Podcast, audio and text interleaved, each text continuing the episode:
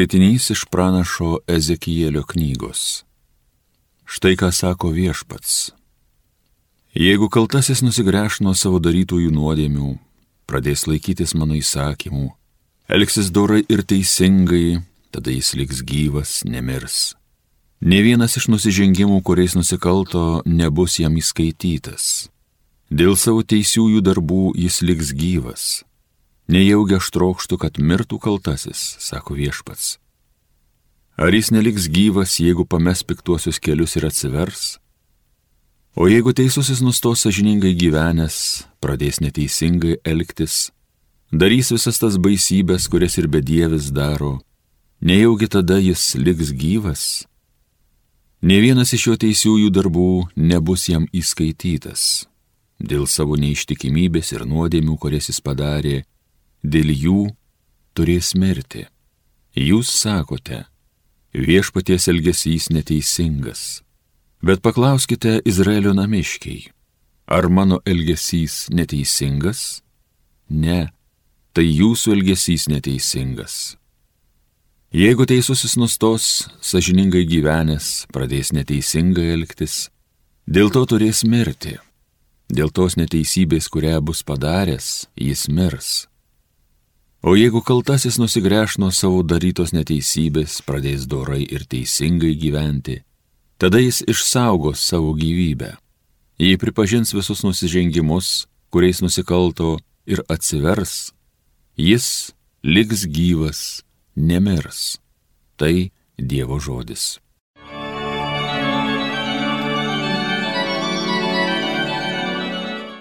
Jei vis nedorybės minėsi viešpatie, kas be galės išsiteisinti. Iš vandenų sietuvos šaukiuos tavęs Dieve, Dieve išgirsk mano balsą. Tegu tavo ausys klauso įdėmiai mano maldaujančių šauksmo. Jei vis nedorybės minėsi viešpatie, kas be galės išsiteisinti. Jei vis nedorybės minėsi, kas be galės išsiteisinti, betgi tu atleisi kaltybės ir vėl tau tarnausim. Jei vis nedorybės minėsi viešpatie, kas be galės išsiteisinti. Dieve, tavi mano viltys, tavo žodžiu pasitikė mano siela, mano siela viešpaties laukia, labiau nei aušros panaktiniai, labiau kaip aušros panaktiniai, tegu laukia viešpaties Izraelis. Jei vis nedorybės minėsi viešpatie, kas be galės išsiteisinti. Juk Dievas yra gailestingas, jis visuomet išvaduoja. Jis tikrai savo tautą išgelbės iš visų nedorybių.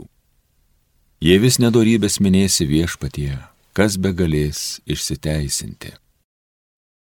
Šlovėtau Kristau, amžinosios garbės karaliau. Nusimeskite visą savo nuodėmę, sako viešpats, ir sukurkite naują savo širdį ir dvasę. Šlovėtau Kristau, amžinosios garbės karaliau. Pasiklausykite Šventojios Evangelijos pagal matą. Jėzus kalbėjo, jeigu jūsų teisumas nebus tikresnis už raštų aiškintų ir fariziejų teisumą, jūs neįeisite į dangaus karalystę. Jūs esate girdėję, kad jūsų protėviams buvo pasakyta, nežudyk, o kas nužudo, turės atsakyti teisme. O aš jums sakau, jei kas pyksta ant savo brolių, turi atsakyti teisme. Kas sako savo broliui pusgalvė, turės stoti prieš aukščiausiojo teismo tarybą. O kas sako kvaily, tas merktinas į pragaro ugnį. Jei neši dovana prie altoriaus ir ten prisiminė, jog tavo brolis turi šitą prieš tave, palik savo atnašą tenai prie altoriaus, eik pirmiau susitaikinti su broliu. Ir tik tada, sugrįžęs, aukok savo dovaną. Greitai nusileis savo ieškovui, dar kelyje į teismą, kad ieškovas neįduotų tavęs teisėjui, o teisėjas teismo vykdytojui, ir kad tu nepakliūtum į kalėjimą. Iš tiesų sakau, tau neišeisi iš ten, kol neatsiteisi lygi paskutinio skatiko. Girdėjote viešpatie žodį.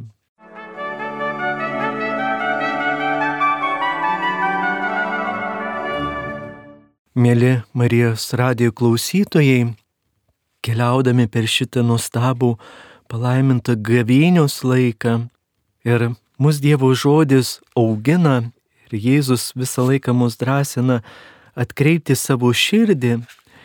Ir šiandien klausydamės Evangeliją, apmastydami Dievo žodį, matome nelengvą uždavinį šiandien mums iškelia Jėzus. Jis sako, jog žudyti gali mūsų pyktis ir žodžiai. Tikrai nelengva. Ir priverčia susimastyti ir pasverti savo veiksmus. Jis iškelia Dievo įsakymą į naują tokį kardinalų dvasinį lygmenį.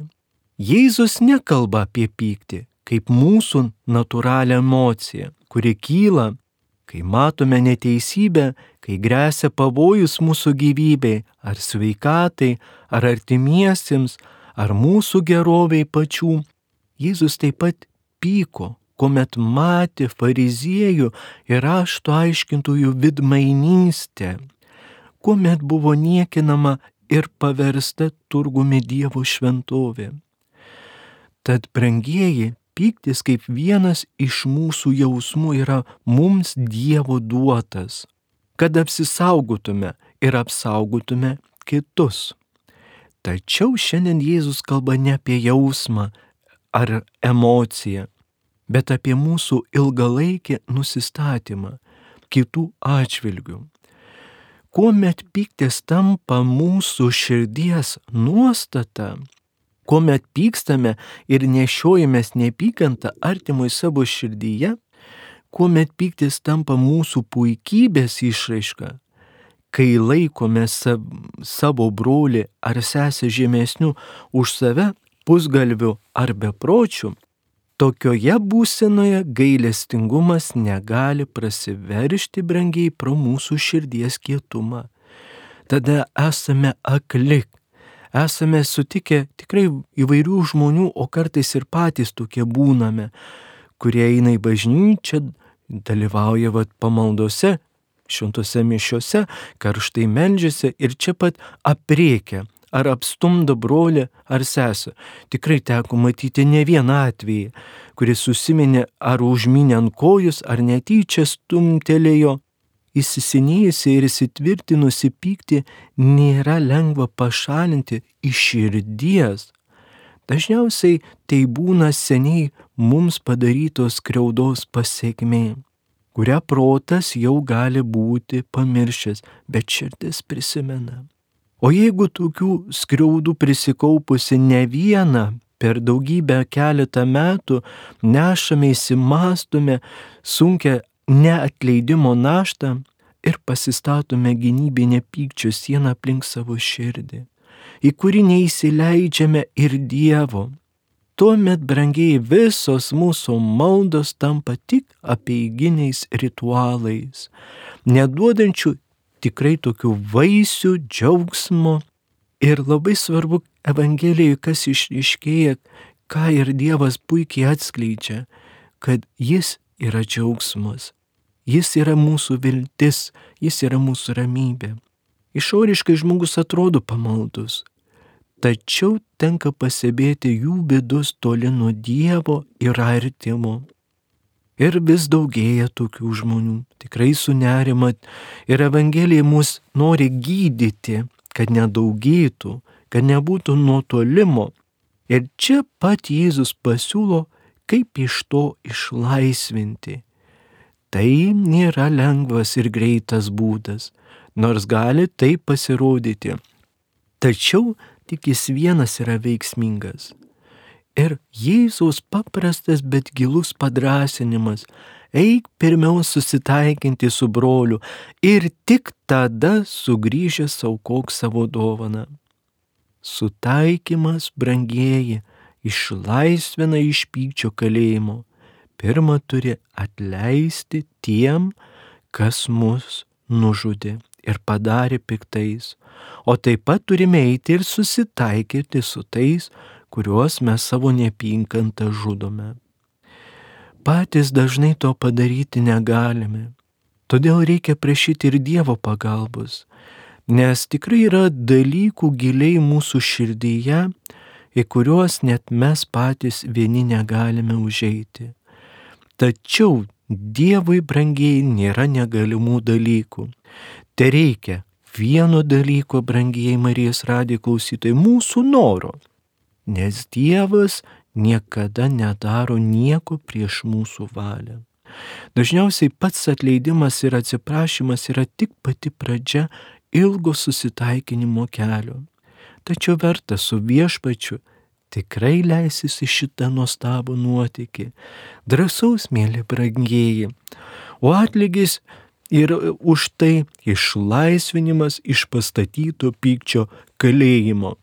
Gavėnius metu nebijokime naudotis vaistus. Labai geri vaistai, nuoširdi, gerai išpažintis, pasiruošimas tikrai, vat, ir kiekvienos mėnesio penktadieniais tikrai, vat, kada melžiamės į Jėzaus širdį, praktikuokime, kaip ir šventoji Margarita Marija Lakok skatino paruošti savo širdį mylinčiam viešpačiui.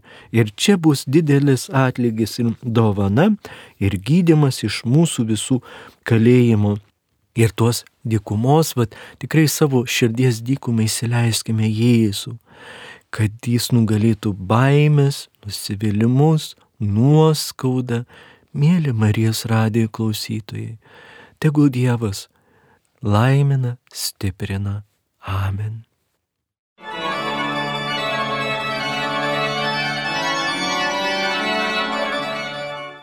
Homilyje sakė brolis pranciškonas kunigas Rolandas Taučius.